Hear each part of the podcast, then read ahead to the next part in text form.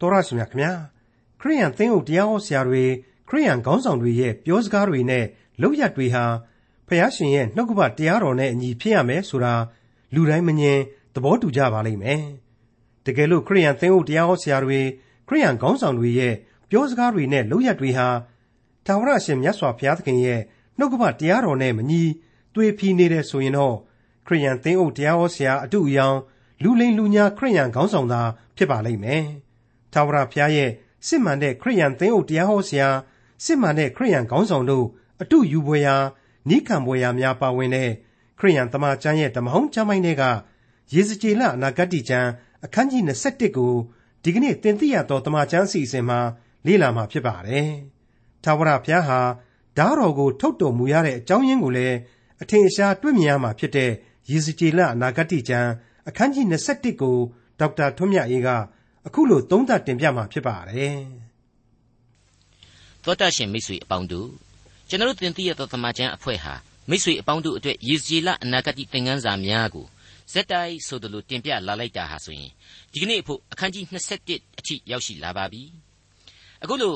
ဒီကျမ်းကြီးရဲ့အလေပဟိုပိုင်းစီကိုရောက်ရှိလာတဲ့အခါမှာဒီကျမ်းကြီးနဲ့ပတ်သက်တဲ့အခြေခံသဘောတရားတွေအကြောင်းကိုတကြော့ပြန်မျှပြန်လည်စဉ်းစားတတ်တယ်လို့ကျွန်တော်တွေးမိလာပါတယ်မှန်ပါတယ် ဒီကျမ်းကြီးဟာအလွန်ရှုပ်ထွေးတယ်ခက်ခဲနေဆိုင်ခြင်းရှိတယ်သူ့ကိုနားမလည်ဘူးဆိုရင်လေတခြားအနာဂတ်တွေအများကြီးရှိတာပဲဥစ္စာအရေးမကြီးပါဘူးဆိုတဲ့အတွေးအခေါ်မျိုးတွေနဲ့ကျွန်တော်ယုံကြည်သူမိษွေတို့ကျွန်တော်အပေါင်းအသင်းတွေကြားထဲမှာအတော်များများတို့ဟာကြောကြော်ပြီးတော့သွားရကြတယ်ဆိုတာကိုကျွန်တော်အကဲဖြတ်မိပါတယ်တနည်းအားဖြင့်ကိုယ်ဝိုက်ရှောင်ရှားသွားရကြတယ်ဆိုတဲ့သဘောပေါ့အဲ့ဒါကိုကျွန်တော်လေ့လာမိတဲ့အခါမှာကျွန်တော်သင်သိရသောသမာကျမ်းအဖွဲ့အနေနဲ့ကတော့ကျမ်းစာကို အဖဖျားသခင်ရဲ့အသက်လမ်းအဖြစ်အလေးအနက်ပြုပြီးတော့လေ့လာပြီးတော့မိษွေတို့ကိုပြန်လဲတင်ပြရတာဆိုတော့ဒီကျမ်းကြီးကိုသူများကပယ်ရှောင်လေးလေးကိုကပို့ပြီးတော့စိတ်စိတ်ဆက်လေ့လာရလေးလေးဆိုသလိုဖြစ်လာပါတယ်ကျွန်တော်ဏိဒန်းပြိုးခဲ့တဲ့အချိန်ကလေးကဖော်ပြခဲ့တဲ့အတိုင်းပဲသင်သိရသောသမာကျမ်းမူရင်းကိုပြုစုသူဒေါက်တာဂျေဗန်နန်မက်ဂီတို့လိုပုဂ္ဂိုလ်ကြီးမျိုးသာမကသေးဘူးနော်သူတို့ကတောင်မှတစ်ခါပြန်ပြီးတော့ကိုးကားခြင်းပြုနေရတဲ့ John Calvin ဆိုတဲ့အင်မတန်ကြော်ကြားသူဓမ္မရေးပညာရှင်ကြီးတွေအဖို့ကတောင်မှ ခက်ပါတယ်ဆိုတဲ့ကြမ်းကြီးမျိုးဖြစ်နေတယ်အဲ့ဒီလိုပုံကိုကြီးတွေကခက်ပါတယ်ဆိုတဲ့ကြမ်းကြီးမျိုးကိုကျွန်တော်တို့အဖွဲ့ကြမှာလွယ်ပါတယ်ဆိုတာမျိုးလေအလွယ်အလွယ်ဘယ်လို့မှပြောလို့မဖြစ်နိုင်အကောင်းဆုံးအဖြေရှာနိုင်ဖို့ရန်အတွက်ဝိညာဉ်ရေးခွန်အားရယူဖို့ဆူတောင်းပြီးမှဒီကျမ်းစာကိုစကလုံးတွေအတိုင်းစီစီဖတ်စာရေးပြုစုသူစာပေအတွေးခေါ်သမားများကိုအမိလိုက်အခြားကိုးကားစရာရှိသမျှတွေကိုပါအတတ်နိုင်ဆုံးဖြည့်ဆည်းပြီးတော့တင်ဆက်ပေးနေရခြင်းဖြစ်တယ်ဆိုတာကိုမိษွေတို့ကိုကျွန်တော်တကြော့ပြန်တင်ပြလိုပါတယ် အထူးသဖြင့်ကျွန်တော်ရဲ့သင်သိရသောသမာကျမ်းမူရင်းကိုပြုစုသူဒေါက်တာဂျေဗန်နန်မက်ဂီကသူ့ရဲ့အယူအဆတစ်ခုကိုဖော်ပြရမှာခက်ခဲချင်းရှိတဲ့ဒီကျမ်းကြီးဟာအခုမျက်မှောက်ခေတ်အတွက်ဟောဟောတိုင်းတိုင်းနိုင်လောက်အောင်ကွက်တိကြနေတာတွေပါဝင်နေတဲ့အတွက်ကြောင့်ပို့ပြီးတော့တောင်မှလေ့လာရတာဟာအသက်ဝင်သေးတယ်စိတ်လှုပ်ရှားပွေရလေအလွန်ကောင်းနေဆိုပြီးတော့သူ့ရဲ့ခံယူချက်ကိုဖော်ပြထားပါတယ်မိတ်ဆွေတို့ဒီအချက်ဟာလေအမှန်သစ္စာတရားပါ ပြီးခဲ့တဲ့အခန်းကြီး20ဏီကုန်းပိုင်းမှာပဲကျွန်တော်အထိတ်တလန့်နားဆင်ခဲ့ရတဲ့အနာဂတ်ကျမ်းဟာဆိုရင်ဣသရေလဣသရေလနဲ့အမြဲလက်ညှိုးညွှန်နေတဲ့ကျမ်းစကားတွေဟာလူသားတိုင်းအတွက်သက်ဆိုင်ခြင်းဖြစ်လာတာကိုရုပ်ချီးပြောင်းလဲသွားတာကိုကျွန်တော်တို့တွေ့ကြရပါတယ်။တောင်ပြည်၌ရှိသောတောလို့တင်စားထားတဲ့လူလောကကြီးကိုရည်မှတ်ပြီးတော့ပြင်းထန်စွာသတိပေးခြင်းအပိုင်းပဲဆိုတာကိုအဲ့ဒီအခန်းကြီး20ဏီကုန်းပိုင်းမှာကျွန်တော်တို့ပြတ်သားစွာရှုမြင်သုံးသပ်နိုင်ခဲ့ကြပြီဖြစ်ပါတယ်။ အဲ့ဒီပြီးခဲ့တဲ့အခန်းကြီး20ငွေ45ကနေ48ကိုကျွန်တော်အခုလို့တခုတ်တရပြန်လည်တင်ပြပါရစေ။တဖန်ထာဝရဘုရား၏နှုတ်ကပတ်တော်သည်ငါစီသို့ရောက်လာ၍အချင်းလူသား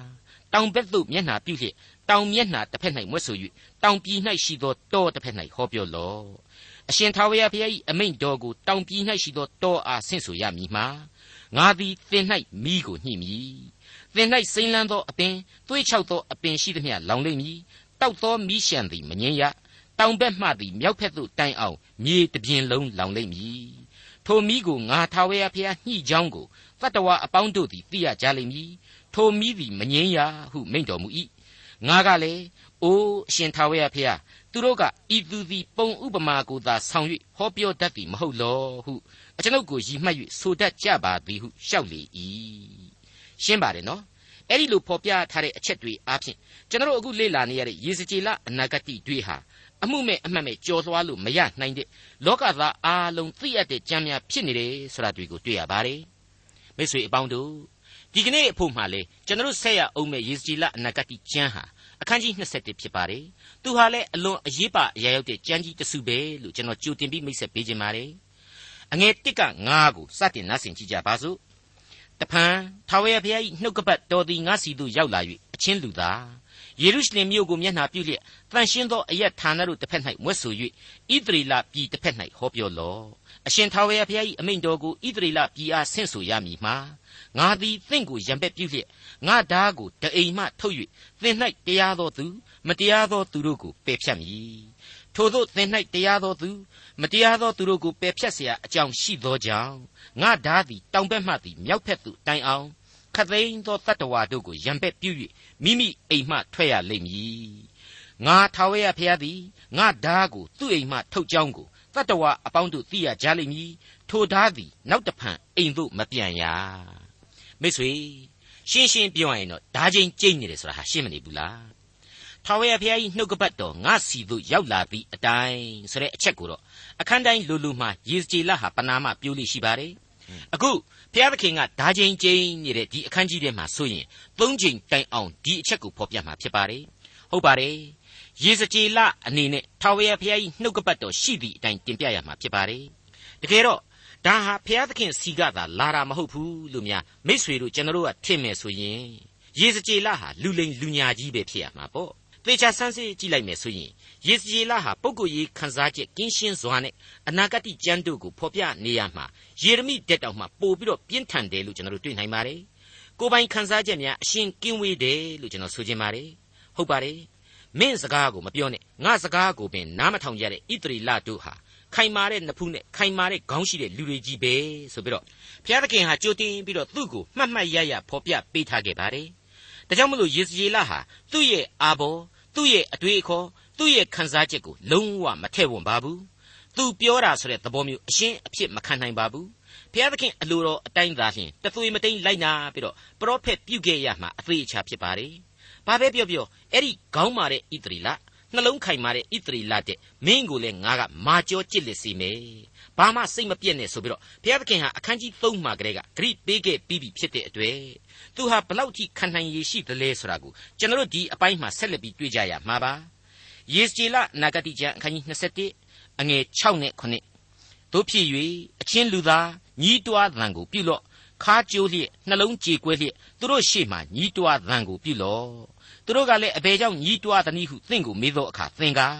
ငါသည်သတင်းစကားကြောင့်ညီးတွား၏အမှုနီးပြီးလူအပေါင်းတို့သည်ကြောက်အားကြီး၍လက်အားလျော့ကြလိမ့်မည်စိတ်ပြည့်၍ဒူးသည်လည်းအရေးဖြစ်လိမ့်မည်အမှုလာ၍ရောက်မည်အကြောင်းကိုအရှင်ထာဝရဘုရားဗျာဒိတ်ပေးတော်မူကြောင်းကိုပြန်ပြောလော့ဟုမိန့်တော်မူ၏ယေစကျေလရဲ့တရုတ်ဆောင်ကြီးအဖြစ်နဲ့ဗျာဒိတ်ပြုဖို့တခါထပ်မံပြီးတော့အမိန့်တော်ဟာပုံစံပြောင်းလာပြန်ပါပြီ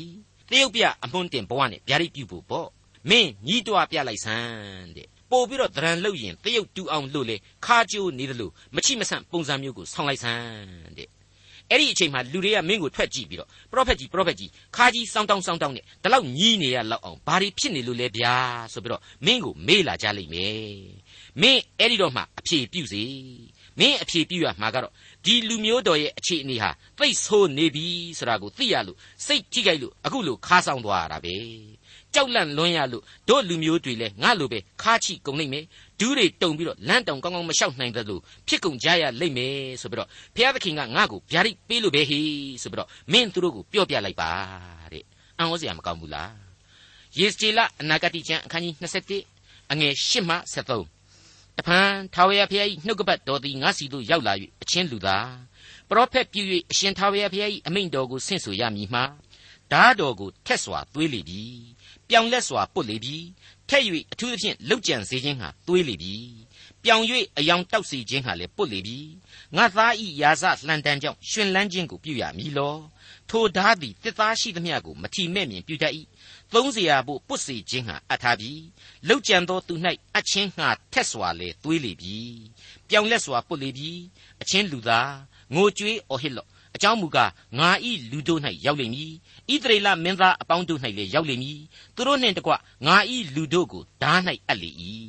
ထိုကြောင့်သင်ဤပေါင်ကိုရိုက်လော့စုံစမ်းခြင်းအမှုဖြစ်၏ဒါတော်သည်လှန်တန်ကိုမယိုမသေးပြုလျင်အဘယ်သို့နည်းလှန်တန်ဆုံးလိမ့်မည်ဟုအရှင်ထာဝရဘုရားမိန့်တော်မူ၏ဒုတိယအကြိမ်မြောက်ကြားရခြင်းကိုမိษွေတို့သတိပြုမိမယ်ထင်ပါတယ်ထာဝရဘုရားထံကနှုတ်ကပတ်တော်အတိုင်းငါပြောနေရခြင်းတဲ့ပြီးတော့မှ ဓာတော်ကိုထက်စွာသွေး၍ပြောင်လက်စွာပုတ်လေပြီတဲ့ဓမ္မပညာရှင်ကြီးတွေအများစုကတော့ပြီးခဲ့တဲ့အခန်းကြီး20အဆုံးပိုင်းမှာဖော်ပြခဲ့တဲ့တတ္တဝါအပေါင်းတို့ဟာငါထာဝရဘုရားမိရှုတော်မူခြင်းအဖြစ်တောင်အရမှမြောက်အရတိုင်မိလောင်ခြင်းဖြစ်တယ်ဆိုတာကိုသိရမယ်။တနည်းအားဖြင့်မိနဲ့တိုက်ပြီးတော့ဒုက္ခပေးတယ်ဆိုတာဟာတကယ်တော့ဓာဘေးကိုဖော်ပြတာပဲဖြစ်တယ်လို့ခံယူကြပါတယ်။ကျွန်တော်ကတော့မတူညီသောစီရင်ခြင်းများအဖြစ်ခံယူပါရစေ။ ဓာနဲ့စီရင်ခြင်းဆိုတာဟာလောကီဆိုင်ရာစီရင်ခြင်းနဲ့ဆိုင်တယ်။မိကျွန်းလောင်ခြင်းဆိုတာကတော့ကပ်ကာလတရားစီရင်ခြင်းဖြစ်လိမ့်မယ်လို့တွေးမိပါတယ်။ဣသရေလတို့အဖို့ဓာဘေးအစာခေါင်းပါခြင်းဘေးသားရဲတိရစ္ဆာန်တို့ရဲ့ဘေးကာလနာဘေးဆိုတဲ့ဘေး၄မျိုးနဲ့ကြုံရမယ်ဆိုတာကိုယေစကျေလအနာဂတိကျမ်းအခန်းကြီး14တုန်းကကျွန်တော်တို့တွေ့ကြရပြီးပါပြီ။ဒါဟာဘာဘူးလုံတို့အဖြစ်ကျွန်ဘဝကိုရောက်ရပြန်သောကာလရဲ့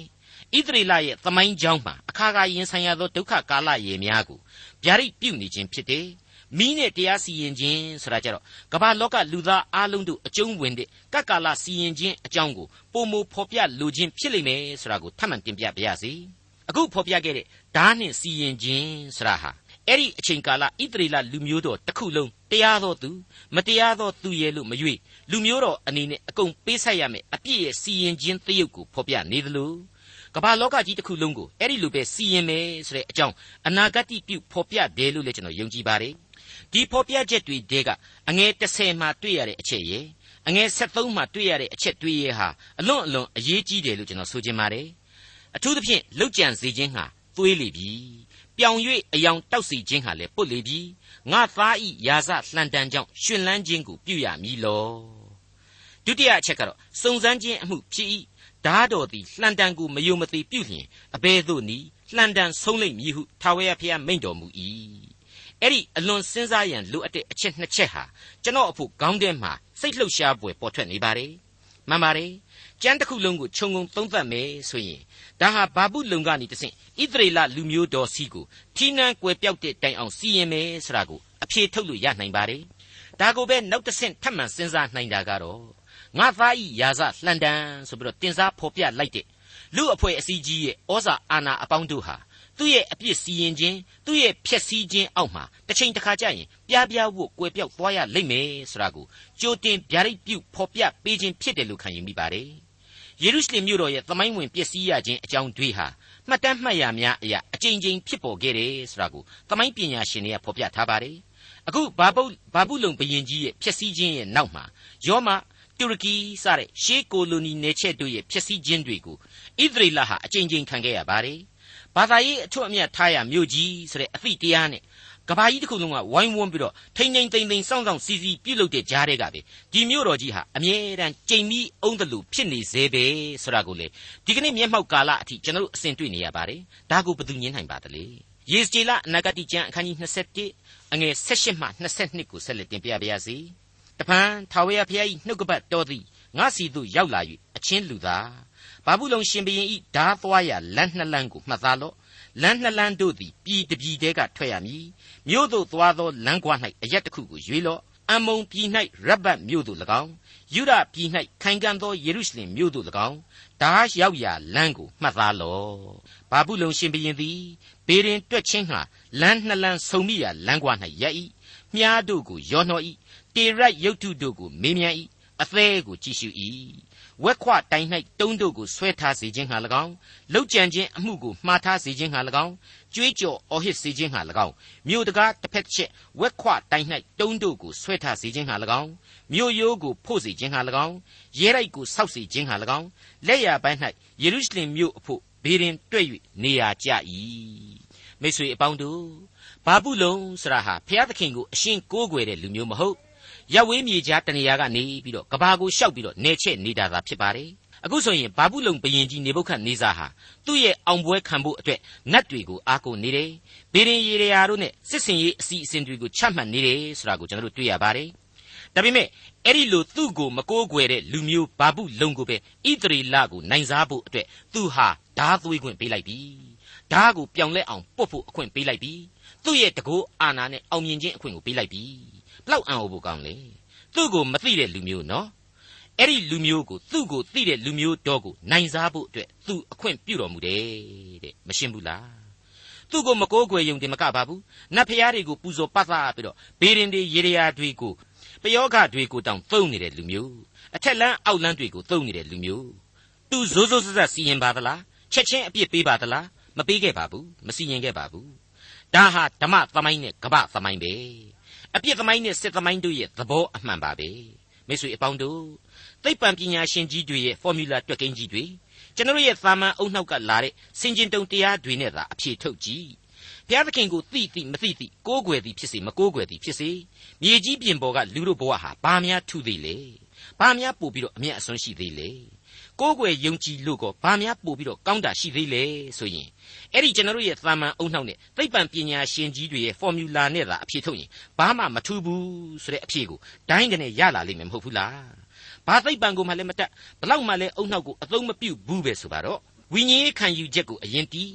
အနတ္တသာဖြစ်သောလူလောကဆိုတဲ့အသိတရားကိုလက်ကင်ထားပြီးတော့နက်နဲ့နဲနဲ့ဆင်ကျင်လိုက်ပြီဆိုတာနဲ့ဘာမှမထူးတာမဟုတ်ဘူးအကုန်လုံးဟာထူးတယ်နက်နဲတယ် အံ့ဩပွေဖြစ်တယ်ဆိုတဲ့အဖြေကိုအပြောင်းအလဲဖြစ်တွေ့လာရပါလိမ့်မယ်မှန်ပါတယ်မိတ်ဆွေအဲ့ဒီလိုဘုရားသခင်ရဲ့နက်နဲသောစီရင်တော်မူချက်တွေ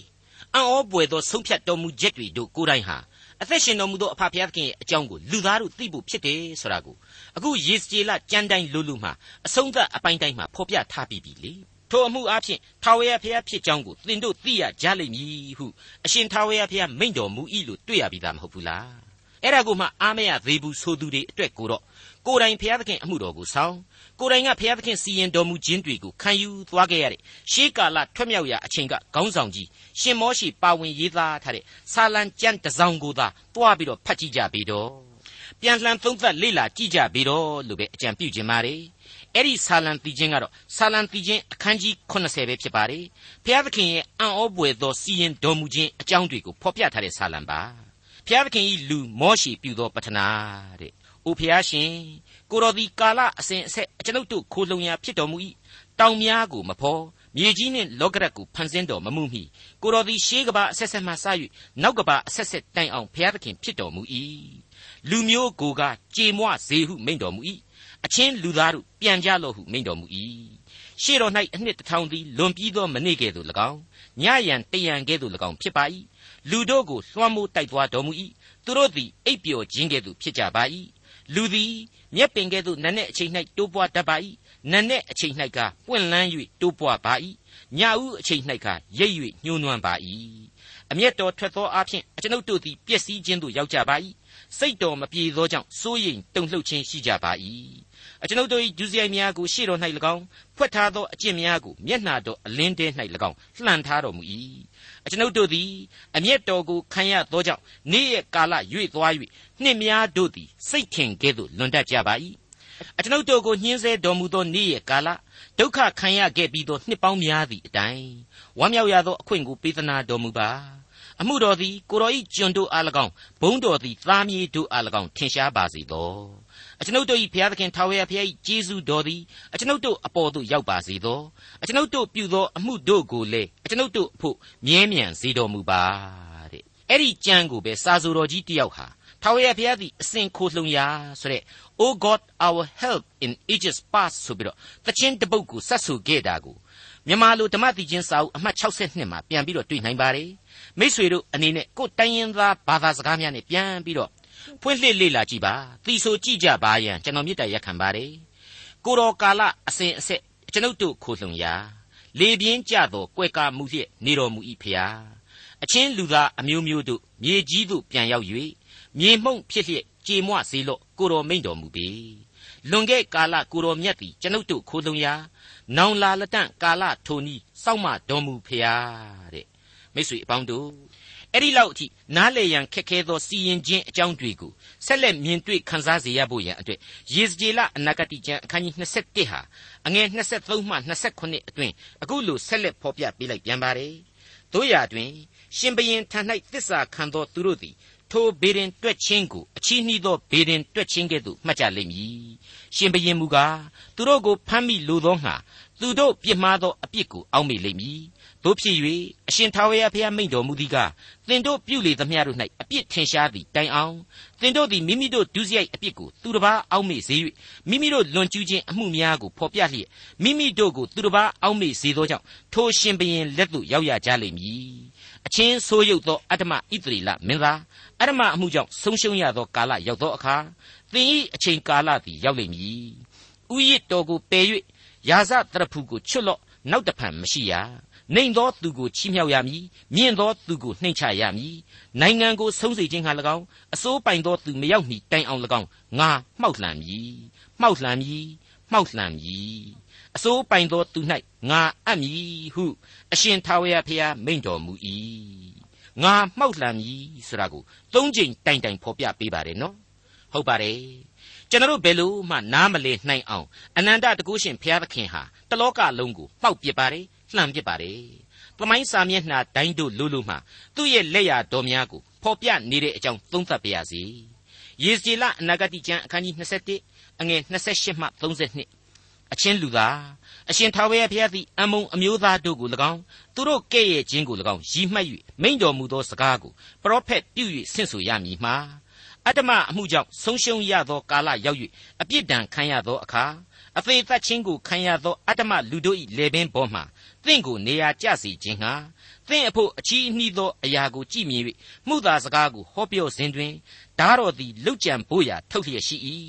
ဖြစ်စည်းဖို့ရာအယောင်တောက်စီတိုက်အောင်ပြောင်စွာပုတ်လေပြီသင်ဓာကိုအိမ်သို့ပြန်စေလော့သင်ကိုငါဖန်ဆင်းသောအရာမွေးဖွားရာဌာန၌သင်ကိုငါစီရင်မည် သင်အပေါ်သို့ငါအမျက်ကိုငါသွန်းလောင်းမည်ငါဒေါသမီးဖြင့်သင်ကိုမှုတ်မည်ကြမ်းတမ်းသောသဘောရှိ၍ဖြစ်စည်းတတ်သောလူတို့လက်သို့အပ်မည်သင်သည်မီးမွှေးဖို့ထင်ဖြစ်ရလိမ့်မည်သင်အသွေးသည်ပြည်အလယ်၌ရှိရလိမ့်မည်နောက်တဖန်အဘယ်သူမျှမအောင်မေရဟုငါထာဝရဘုရားမိန့်တော်မူ၏အမုံရေမောဘရေတို့ရေဟာအာဗြဟံရဲ့တူတော်မောင်လောတကနေတဆင့်ဆင်းသက်တဲ့လူမျိုးများဖြစ်တယ် ဣသရေလနဲ့ဆွေမျိုးနီးစပ်တွေပဲဖြစ်တယ်ဆိုတာကိုကပ္ပဦးကျမ်းမှာကလေးကကျွန်တော်တို့တွေ့ရပါတယ်မာနသမားမောဘအချီးနှီးကြွားဝါတတ်သောမောဘနဲ့တရန်တစားတည်းသောအမုံအမျိုးသားလို့ကျွန်တော်တို့ပိုင်းခြားနားလည်သင့်ပါတယ်အမုံတို့ဟာအစပထမပိုင်းဘာဘူးလုံတွေနဲ့ပေါင်းတယ်နောက်ပိုင်းမှာဘာဘူးလုံကိုပြန်ပြီးတော့ခြေစုံကန်တယ်အဲ့ဒါနဲ့ပဲမှုံမှုံညံ့ညံ့ကြည်သွားခဲ့ရတယ်ဆိုတာကိုကပ္ပသမိုင်းဟာဖော်ပြပေးထားပါတယ် ဣသရေလနိုင်ငံရေးထဲမှာဝင်ပြီးတော့ဆွတ်ဖက်ခဲ့လို့ဣသရေလမှာသွေးချောင်းစီးခဲ့ရတာကိုလေယေရမိရဲ့သမိုင်းမှတ်တမ်းများအရာကျွန်တော်တို့ပြန်ပြီးတွေ့ခဲ့ရပြီဖြစ်ပါတယ်မှန်ပါတယ်ဘုရားသခင်ပြုတော်မူသောအမှုတော်တို့ဟာအတိတ်ကာလအဖို့သစ္စာတရားများအမှန်ဖြစ်ခဲ့သလိုကျွန်တော်လက်လှမ်းမမီနိုင်တဲ့အနာဂတ်ကာလတိုင်အောင်သစ္စာတည်နေမှာဟာအသေးချာပဲဖြစ်ပါတယ်ဒီအချက်တွေအကုန်လုံးတို့ဟာစာရမဏတ်ဘက်ကိုရိမ့်ညိုင်ပြီးတော့ဇာတိပဂရိအလိုတို့လိုက်ချင်သူကျွန်တော်မိတ်ဆွေတို့လူသားများအားလုံးအတွက်အထူးသတိထားရန်အချက်တွေပဲဖြစ်တယ် အမြင့်ဆုံးသောဖခင်၏ကွယ်ကာယာဌာနတော်၌နေလျက်အနန္တတကုရှင်အရေးကိုခိုလှုံကြဖို့အရေးအတွက်ဒီအနာဂတ်တီဟာပြင်းပြင်းထန်ထန်အားပေးတိုက်တွန်းလိုက်ပါတယ်ဒေါက်တာထွန်းမြတ်၏စီစဉ်တင်ဆက်တဲ့တင်ပြတော်တမချန်းအစီအစဉ်ဖြစ်ပါတယ်နောက်တစ်ချိန်အစီအစဉ်မှာခရိယန်တမချန်းရဲ့ဓမ္မဟောင်းကျမ်းပိုင်းတွေကယေဇကျေလအနာဂတ်ကျမ်းအခန်းကြီး22ကနေအခန်းကြီး24အထိကိုလေ့လာမှဖြစ်တဲ့အတွက်စောင့်မျှော်နားဆင်နိုင်ပါတယ်။